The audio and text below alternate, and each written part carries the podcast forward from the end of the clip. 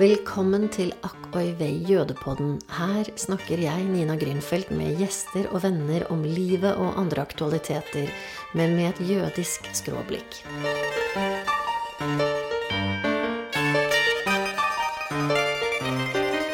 I mai 1945 skriver Sofia Nalkowska følgende i dagboken sin. Hver dag i Gdansk besøkte jeg denne kjelleren med trau fulle av døde mennesker. Et nøye uttenkt eksperiment med et mål om å lage såpe av menneskefett og skinnprodukter av menneskehud. Hva slags verden er det jeg lever i? Denne skrekkelige fremmedheten er rystende.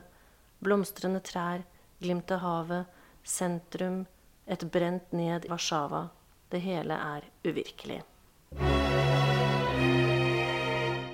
Dette er helt i begynnelsen av boken 'Medaljonger' av Sofia Nalkowska, som du har oversatt, Julia. Julia Widlocka Ja. for Cappelen Dam. Og jeg tror det er første gang denne boken blir oversatt til norsk. Ja, det stemmer. Og så ser jeg bakerst i boken, så står det at eh, Jo, det står bakerst i boken denne boken er utgitt som en del av prosjektet Oversatte mesterverk. Det er én av seks bøker, klarte jeg å telle meg fram til.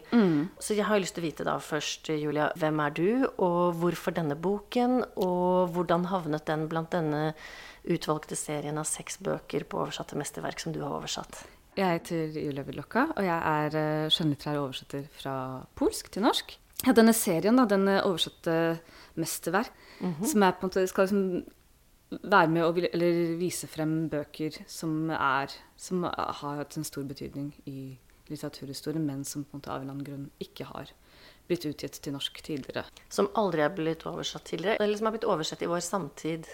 Litt begge deler, tror jeg. Jeg foreslo jo den, eh, denne boken for, eh, for forlaget, og de forsto hva slags bok dette her var. Da. Den er på, på et vis også et eh, liksom glemt mesterverk i polsk litteratur også. Først og fremst er det en bok som veldig mange polakker kjenner og har lest og har et forhold til. Eh, I Polen så er det litt, eh, litt vanligere å lese sånne klassikere, både eh, polske klassikere og internasjonale klassikere, i skolen. F.eks. Sånn på videregående og sånn. Så man har sånne, som er en stor, viktig del av pensum. Så dette er en bok som i hvert fall mine foreldre har lest. Og jeg tror den var på pensumlistene til på 90-tallet. Altså jeg snakket jo med en venninne i går som er polsk, som er eh, født rett etter krigen, eller kanskje på begynnelsen av 50-tallet. Jeg kan tenke meg hun er rundt 65 år gammel nå. En polsk poet. Og hun fortalte jo at hun leste denne da hun var kanskje 14-15 år gammel. Og hun sa jo det at eh, det var en ganske spesiell opplevelse fordi hun opplevde at teksten er så tørr. Den er så eh, Jeg syns jo det er en fantastisk god tekst, mm. men den er veldig blottet for fargelegging og liksom emosjonelle, sterke ord. Mm. men fortell litt bare om bokens tilblivelse. Hva er bakgrunnen for selve boken? Ja, altså Sofia Naukowska jo en, eh, var jo en, allerede en kjent forfatter da boka kom. Og hun er er som kjent for sine psykologisk realistiske bøker, som etter hvert i løpet av liksom, hennes eh, skrivekarriere var mer og mer eh, samfunnsorientert og tok opp liksom, politiske temaer. Og hun var også veldig opptatt av liksom, kvinnesak. Etter krigen hun, ble hun invitert til å være med i en eh, kommisjon som skulle granske nazistenes krigsforbrytelser. Og da gjorde de intervjuer med, med vitner og foretok åstedsbefaringer. Så det, denne boka kom ut allerede i 46, altså ett år etter krigen. Eh, så dette her er en slags sånn, hva skal jeg si, en litterær bearbeidelse av det arbeidet hun gjorde, og det hun opplevde i den kommisjonen. Så det er åtte tekster hvor vi møter ulike personer. Noen av dem har vært uh, ofre for, for nazistene og sittet i, i konsentrasjonsleir, mens noen av dem har vært uh, tilskuere, passive tilskuere, eller også medløpere, og bidratt til ut utryddelsen av jøder. Da. Man kan vel liksom tenke seg at man umiddelbart etter en, en så forferdelig krig og grusomme ting som skjer, at man har på en måte sånn veldig behov for Man har liksom lyst til å se uh, Det er veldig tydelig hvem som er på en måte de slemme, hvem som er de gode. Men jeg syns liksom den boka klarer på en veldig fin måte å være nyansert. At hun på en måte viser frem på en måte mennesker i all sin uh, alt det gode og dårlige som ligger i mennesket. Da. Så det synes jeg var veldig, jeg ble veldig slått av at den var på en måte såpass nyansert så tydelig etter en så forferdelig hendelse. Da. Det er jo en liten bok. Det er en smal bok på 80-90 sider. Og som du sier, det er åtte personer, åtte kapitler, åtte vitner som hun gjenforteller historiene til. Ja, og så den siste som på en måte er en slags sånn på en måte oppsummering hvor du får høre litt om litt flere folk som er en slags sånn fra forfatteren en litt mer slags sånn saklig oppsummering av hva Ja, hvor hun refererer til en del leger osv. Ja. Noe som jeg syns er så flott gjort, da, er at hun på en måte virkelig lar alle disse menneskene eh, få snakke. Og at det er så lite kommentarer fra selve fortelleren. Du merker jo at det er en forteller til stede ved, at, ved hva som blir valgt ut, og hvordan noen sånne på en måte kommentarer innimellom, men den er veldig lite inngripende. Det, den er jo veldig sånn skåret inn til beinet, altså, mm. og den er jo brutal. Eh, og det begynner jo mm. med dette første kapittelet som heter 'Professor Spanner'. Han er lege, mm. professor i anatomi, eller spesialist i anatomi, mm. og får da under krigen muligheten til å gå all in i forskning på anatomien mm. ved å opprette et anatomisk institutt utenfor Gdansk. Er det ja. det der? Ja. Dette, dette, er et utdrag fra eh, professor Spanner. Da er det en gutt som arbeidet på eh, Anatomiinstituttet, som ble omtalt som et kokeri. Og han eh, vitner for eh, kommisjonen om eh, hva han har sett foregå der. Mursteinsbygningen var blitt oppført i 1943 og skulle være et kokeri. Spanner hadde skaffet maskiner som kunne skille kjøttet og fettet fra knoklene. Knoklene skulle brukes til anatomiske skjeletter. I 1944 fikk studentene beskjed om å sortere bort fettet fra likene. Hver kveld når undervisningen var over og studentene hadde gått, kom det arbeidere og hentet fatene. Det fantes også fat med blodårer og kjøtt. Kjøttet ble enten kastet eller brent. Da innbyggerne i byen klagde på stanken til politiet, besluttet professoren at kjøttet skulle brennes om natten. Han ga studentene beskjed om først å fjerne huden, deretter fettet, så musklene helt inn til beinet. Alt etter læreboken. Fettet ble liggende over vinteren og omgjort til såpe i løpet av fem-seks dager etter at studentene hadde reist. Et menneske gir ut fem kilo fett. Fettet ble oppbevart i et steintrau på kokeriet. Hvor mye? Han tenker lenge, prøver å være så nøyaktig som mulig. 150 pund. Så legger han til. Sånn var det før, men senere ble det mindre, da de trakk seg tilbake til Det tredje riket, var det kanskje 100 pund. Professor Spanner samlet også menneskehud. Han og seniorpreparant von Bergen ville garve den og på en eller annen måte utnytte den. For meg, det som var sjokkerende med den lesningen, er fordi at jeg reiser jo en del rundt og holder foredrag for både ungdomsskoler, videregående osv. Mm. om holocaust bl.a. Og da hender det innimellom, og da føler jeg selv at det går veldig langt, hvor jeg forteller om hvor, gal, hvor mye galskap det var i holocaust, mm. og at det til og med fantes tilløp til å industrialisere dette med å skulle koke såpe på menneskefett og utnytte skinnet til mennesker og håret osv. Ikke sant? Mm. Og dette merker jo jeg ofte at ungdommen egentlig ikke er i stand til å ta inn over seg. Og av og til så har jeg faktisk også drevet og lett litt etter forskningslitteratur som kan underbygge disse påstandene. For av og til så tenker jeg selv at det er ikke sant. Det er ikke mm. mulig at dette kan ha skjedd. Ja. Og da jeg nå leste dette kapitlet med professor Spanner, mm. så ble jeg satt ut, med jeg innrømme. Fordi at dette er jo en så sterk dokumentasjon på nettopp det jeg innimellom mm. velger å prøve å formidle noe om, ja. men hele tiden legger bånd på meg selv. Hvordan er det å gå inn i en sånn tekst og oversette den? Ja, Det er veldig, veldig spesielt, må jeg si. Det er jo fordi du blir altså, slått av hvor utrolig brutalt det er. Og så må du jo altså, lese det grundig. Du kan på en måte ikke bare altså, se på det, legge det bort, og så, som man på en måte kanskje ville gjort hvis jeg ville lest den boken som en, en måte, vanlig leser. At det ville vært for vondt å drive og holde på med det for mye. Du må jo på en måte se det for deg når du leser det, og det er jo grusomt. Og så må du gjenskape det på nytt. Når du jobber med en tekst over liksom en viss tid, så blir det jo Det der umiddelbare inntrykket blir jo på en måte falmer jo litt etter hvert. Dessverre er vi sånn som mennesker at vi vi blir ikke like slått av brutaliteten i det vi leser. Man blir nesten litt sånn nummen. Mm. Sånn der, 'Å ja, de der knoklene, ja, det liker jeg.' Altså, så tenker du på, på settingsstrukturen, og så bare sånn her, men herregud, hva er det egentlig hva er det jeg leser? Det er helt absurd. Og så var det på en måte Jeg tenkte på noe som var på en måte en sånn litt sånn oversetternøtt. Så jeg bare kan lese et lite utdrag. Mm, gjør det. Jo, vi snakket om det hjemme. I begynnelsen så til og med en venn av meg at jeg fikk frysninger. Jeg klarte ikke å vaske meg med den. Mamma syntes det også var ekkelt, men såpen skummet godt, så hun brukte den i klesvasken. Jeg ble vant til den fordi den var god. I det magre, bleke ansiktet dukker det opp et overbærende smil. Det sies at tyskere vet å utnytte hele dyret. I den polske originalen så er den egentlig Det sies at tyskere klarer å lage noe ut av ingenting. Så det er på en måte et slags sånn, måte, idiomatisk uttrykk som ikke vil på en måte ha like stor kraft hvis man bare oversetter det bokstavelig. Så man måtte prøve å liksom lete etter noe som kunne være tilsvarende og var på en måte hadde den samme liksom, den råskapen i det. Da. Og her er det liksom, I løpet av hele den boken leser man hele tiden sånne sammenligning mellom menneske, mennesker og jøder som blir sammenlignet som dyr. Du har, jo- du har tatt deg en frihet der som du som oversetter kan gjøre. Og så tenker jeg at den er jo helt i tråd med det, det vi kaller for den dehumaniseringen som jødene ble utsatt for. da. Og selv om det her også er snakk om mange ofre som ikke var jøder, så handler det jo likevel om en menneskeforakt på et, på et plan som fikk noen helt uh, hårreisende konsekvenser. Ja. Og jeg kan jo kjenne veldig godt igjen denne nummenheten. Eh, innimellom så pleier jeg å si, eller pleier og pleier, jeg sier det alltid med en sånn stor grad av ambivalens, og jeg har nevnt det tidligere her i poden også, at jeg kaller meg for en holocaust junkie. Og det er noe jeg bruker som et begrep for å si noe om at uh, på den ene siden så er jeg nummen og vaksinert. Det er lite som gjør inntrykk på meg lenger. Og samtidig så er jeg på en måte blitt avhengig av det.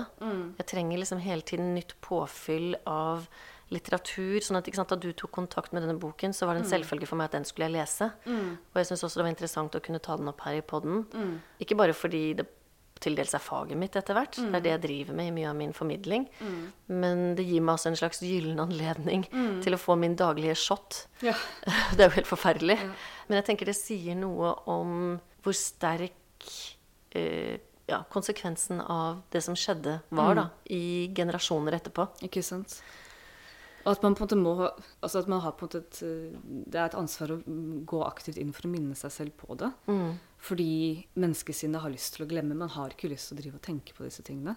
Mens akkurat i den boken her, den er på en måte liksom Det er ikke noe sånn forsoning her. Det er ikke noe sånn oppgjør etter krigen. Den er bare, den eksisterer på en måte litt sånn Ikke, ikke i et vakuum, men på et veldig spesifikt tidspunkt i historien hvor, hvor alt er så rått. Hvor det er noen som så vidt har overlevd, og snakker om disse tingene som det var i går. For det, du, du opplever det, altså du ser jo det på en måte i språket. Det er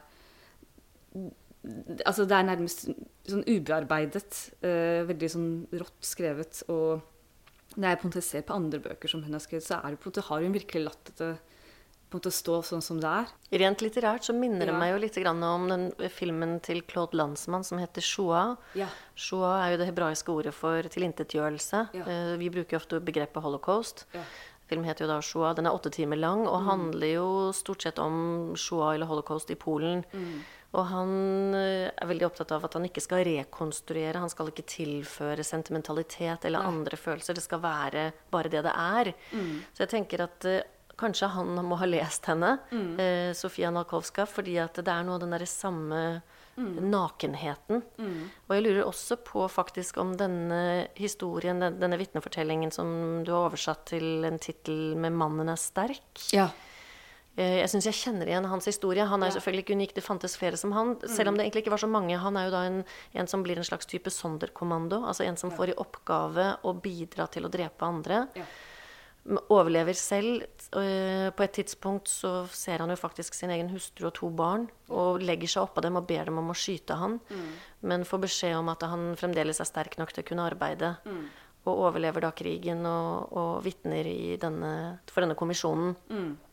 Og det er en rekke andre fortellinger her også som er utro, utrolig sterke eh, historier. Du nevnte noe selv om at du satte dette inn i en slags kontekst av type Primo Levi.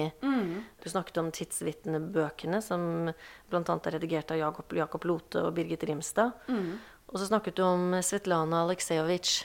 Kan du ikke si litt hva du tenker om, om denne boken sett i en sånn type kontekst? Ikke sant? Altså, det er jo på en måte noe sånn påfallende likt i alle disse bøkene. Litt den derre altså, Også selve liksom, intervjusituasjonen, på en måte, at det minnet så veldig om dette her. da. Altså, Det er bare å la folk få komme til orde. At det er så sterkt også litterært. ikke sant? Det som er på en måte litt annerledes med denne boka, her, er jo at den er den er jo ikke skrevet av en overlevende. Det er alltid en eh, altså Nakoska er jo, har jo ikke selv vært og, og opplevd disse tingene.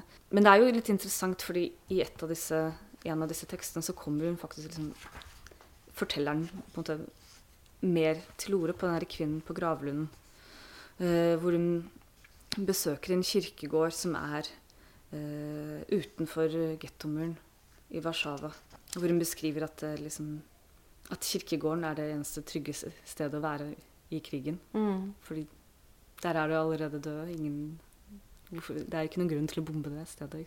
Men, og så sitter hun og ser at liksom Og der får du på en måte veldig sånn her, gjennom den skikkelsen da, en uh, tvetydigheten da, i de menneskene som opplevde at medborgerne deres ble, ble tilintetgjort. Hvor hun skriver at og hun er jo så liksom satt ut fordi hun ser at mennesker hopper ut av vinduene av brennende hus, og hun syns det er så grusomt. Og hun sier det her går ikke an å leve. Men samtidig så er hun, eh, sier hun også at ja, hvis tyskerne taper krigen, så kommer, disse, så kommer jødene til å ta oss. Mm. Og det er kanskje like greit at de dør. Altså Det er vel Ja. den fortellingen hvor, som, som er blitt avlagt under krigen, mens det fremdeles er krig. Ja. Jeg tenker også Det er noe veldig interessant som du påpeker der, som handler om eh, noe som jo også var en oppfatning sannsynligvis i Polen under krigen. Nemlig at eh, de hatet jo tyskerne, men de var livredde for det jødene måtte kunne gjøre mot dem eh, etter krigen. Og det vitner jo om at de bar på en skyld. Sant? At det finnes et element av eh, medløperi i dette her, i folkemordet som finner sted i Polen. Det gjelder jo selvfølgelig ikke for alle polakker, men det er nok mye av det Polen og polakkene har balet med i ettertid, og fremdeles den dag i dag er en, et tema. Jeg nevnte jo tidligere at jeg snakket i går med min polske venninne som er poet, og som er eh, 65 år og har hatt hele sin oppvekst i det kommunistiske etterkrigstiden. Og jeg syns det var veldig interessant å prøve å fortolke det hun sa til meg. Ja. Eh, For også hun, som jo har mange jødiske venner rundt omkring i verden, er det vanskelig på en måte, syns jeg, da, å få et klart svar fra. Blant annet så nevnte hun at Sofia Nalkowska hun oppleves som en som er sterkt feministisk, og det er det jo mange polakker som ikke er i dag. Eh, Polen er jo et ganske høyrestyrt samfunn i dag. Hun oppleves som tro mot Sovjet. Ja. Eh, Blant annet så finnes det en anekdote om at eh, hun eh, etter krigen reiser til Moskva. Og hun er jo en kvinne som hører til i den øvre middelklassen, og som da tar på seg en flott, litt sånn adelig pelshatt. Sikkert fordi det kanskje er noe av det fineste hun har. Men samtidig snakker om det vakre med sosialismen. Og da blir hun på en måte anklaget for ikke å se eh, sammenhengene her, da. At hun lever i et eh, type la-la-land. Slik jeg forstår på en måte narrativet rundt henne, så er- var hun en kvinne som hun var intellektuell. Hun likte å omgås menn. Hun satt jo i parlamentet etter krigen. Eh, nær venninne av Witold Gombrowicz og andre store polske forfattere. Hun var vel den som fikk Bruno Schultz publisert Eller hjalp til med å få han publisert også. Det kan godt hende, det kjenner jeg ikke til, men det, det er sikkert riktig når du sier det. Sånn at det virker på meg som at dagens Polen har et litt sånn ambivalent forhold til henne, i den grad dette er en veldig generalisering. Ja, ja, ja. Og det jeg forstår, så var jo Nokowska var jo veldig sosialistisk i en sånn veldig venstreside, altså litterært miljø. Umiddelbart etter krigen var det jo mange polske forfattere som omfavnet sosialismen, både kanskje av liksom sensurgrunner, men det er fort gjort å se det fra vårt perspektiv, med, som har på en måte sett hele sovjetperioden. Ja, mitt inntrykk er i hvert fall mm. både dette at hun var så veldig sterkt sosialist og veldig veldig sterkt feminist. Eh, jeg tror hun var gift på et tidspunkt og ble skilt. Og det å bli skilt i katolske Polen er selvfølgelig ikke enkelt. Så det i seg selv var jo en ganske progressiv handling å kreve en sånn type skilsmisse. Rent sånn faktisk så tenker jeg også at dette universet som hun befinner seg i da, eh, før krigen, er jo et Polen hvor det er tre millioner jøder. Veldig mange av dem er i Warszawa. Og hun er fra Warszawa. Eh, etter krigen så er 90% av dem drept. Eh, boken heter jo 'Medaljonger'. Ja. Og medaljonger er jo disse bildene som er av mennesker som ofte henger på gravstøtter i Polen. Så jeg tenker at det er et veldig fint, en fin tittel, og det heter den også på polsk. Ja. Du leste veldig fint, så jeg har litt lyst til å be deg også om å lese noe av det jeg leste selv. Da de skulle frakte oss fra Paviak-fengselet til Ravensbrück, fikk vi ett brød hver. De kjørte oss i kuvogner. Hundre stykker i hver vogn, tett inntil hverandre. Uten vann, innestengt, stående oppreist hele veien. Vi sov stående, kunne ikke sette oss i trengselen. Reisen varte i sju dager. Underveis stanset vi på et sidespor. Toget sto i tre timer. Vi begynte å rope etter vann, med umenneskelige stemmer. Vi hadde blitt fraktet i den plomberte vognen midt i en hetebølge. Vi var våte av svette, med svart støv i ansiktet, stinkende klær og føtter stenket av møkk. Vi hylte som dyr. En tysk offiser fra toget som fraktet sårede soldater, kom og ga ordre om å åpne vognen. Ukrainerne som eskorterte oss, sa det var forbudt, at her ble det fraktet banditter. Da tilkalte han andre offiserer. Han var nysgjerrig på hva som var på innsiden. De åpnet vognen. Da han så oss, sperret han opp øynene og slo ut med armene. Han ble så redd. Han så ut som et villsvin. Først etter en stund spurte han om noen snakket tysk eller fransk. Flere gjorde det. Han ga ordre om å hente vann og slippe oss ut på sporet så vi kunne vaske oss. Han ga oss ordre om å åpne mennenes vogner. Der sto det verre til. Vi var bare 1500 kvinner, mennene var visstnok 4000. I hver vogn var det 30-40 kvalt til døde. Vi ble stengt inn i vognene igjen, og ingen åpnet dem før ravensbruk. Ingen ble kvalt til døde, men et par gikk fra forstanden. Om de ble friske igjen? Nei, det ble de ikke. De ble skutt første dag i Ravensbrück. For meg er jo dette en spesiell del fordi min egen farmor ble fraktet til Ravensbrück Ja. på en sånn type transport. Mm. Uh, og selv om ikke jeg har kunnet finne hennes egen personlige vitneuttalelse, så har jeg jo lest andre kvinner som overlevde, og som beskriver det veldig likt. Ja. Uh, Men noe det, av det som likevel gjør sterkt, eh, sterkest inntrykk på meg, er denne beskrivelsen av den tyske soldaten som blir så redd. Når han som tysk overgriper blir så redd, så må situasjonen være så farlig. Ja. Ikke sant? Skjønner du hva jeg mener? Det er litt sånn som jeg tror barn av og til tenker at eh, hvis de voksne blir redde, da er det ordentlig fare på ferde. Ja. Og hvis tyskeren selv blir redd, Ja. da er det ille. Ja.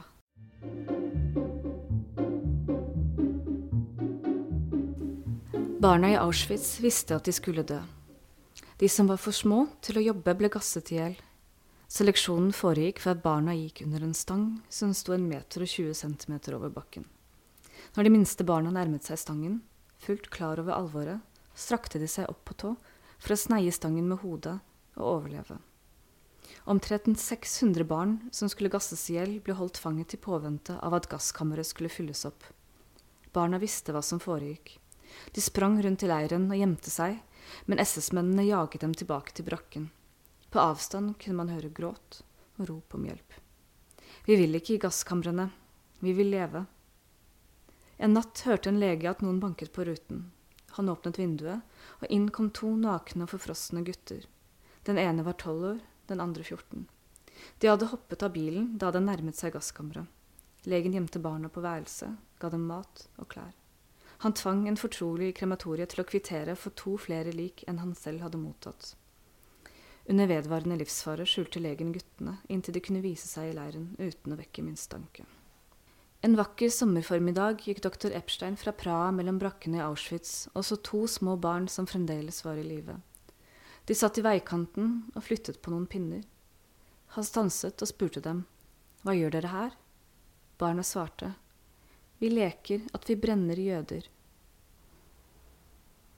Det er uh, slutten av siste kapittelet før ditt etterord dukker opp. Hvordan skal vi kommentere det? Jeg føler at det sier, Det sier sitt. det sier seg selv. Ja.